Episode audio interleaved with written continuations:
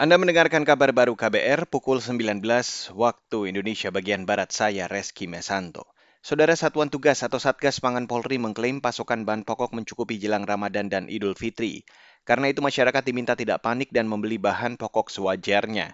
Imbauan ini disampaikan Kepala Satgas Pangan Polri Helmi Santika usai rapat koordinasi dengan pihak terkait pangan hari ini.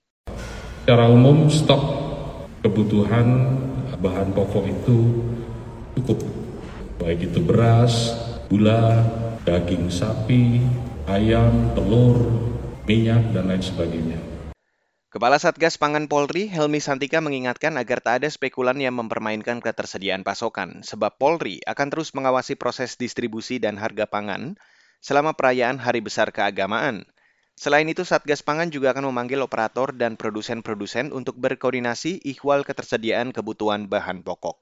Beralih ke berita selanjutnya, Saudara. Komisi Nasional Hak Asasi Manusia atau Komnas HAM menyebut perempuan dan anak-anak di desa Wadas Purworejo, Jawa Tengah mengalami trauma.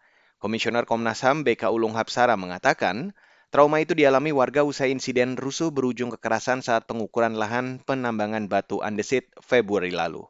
Dampak peristiwa pada 8 Februari di Wadas, masyarakat mengalami luka fisik dan traumatik khususnya perempuan dan anak yang menjadi pihak paling rentan. Jadi kami melakukan wawancara dengan warga korban paling rentan dan juga paling traumatik adalah perempuan dan anak.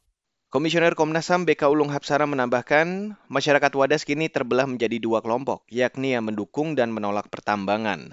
Menurut BK, minimnya informasi dari pemerintah terkait proyek bendungan benar menjadi pemicu ketegangan antar warga.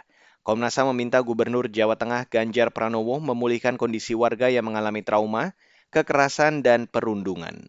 Saudara, tim Indonesia tergabung dalam grup A kualifikasi Piala Asia 2023. Undian digelar hari ini di Kuala Lumpur, Malaysia.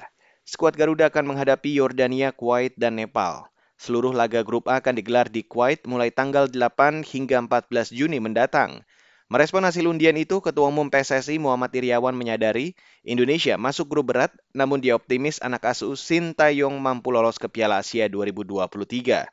Babak kualifikasi Piala Asia 2023 dibagi menjadi enam grup, masing-masing juara grup dan lima runner-up terbaik akan bergabung dengan 13 negara lain yang sudah memastikan tempat di putaran final. Piala Asia 2023 rencananya digelar Juni tahun depan. Dan saudara, Demikian kabar baru, saya Reski Mesanto.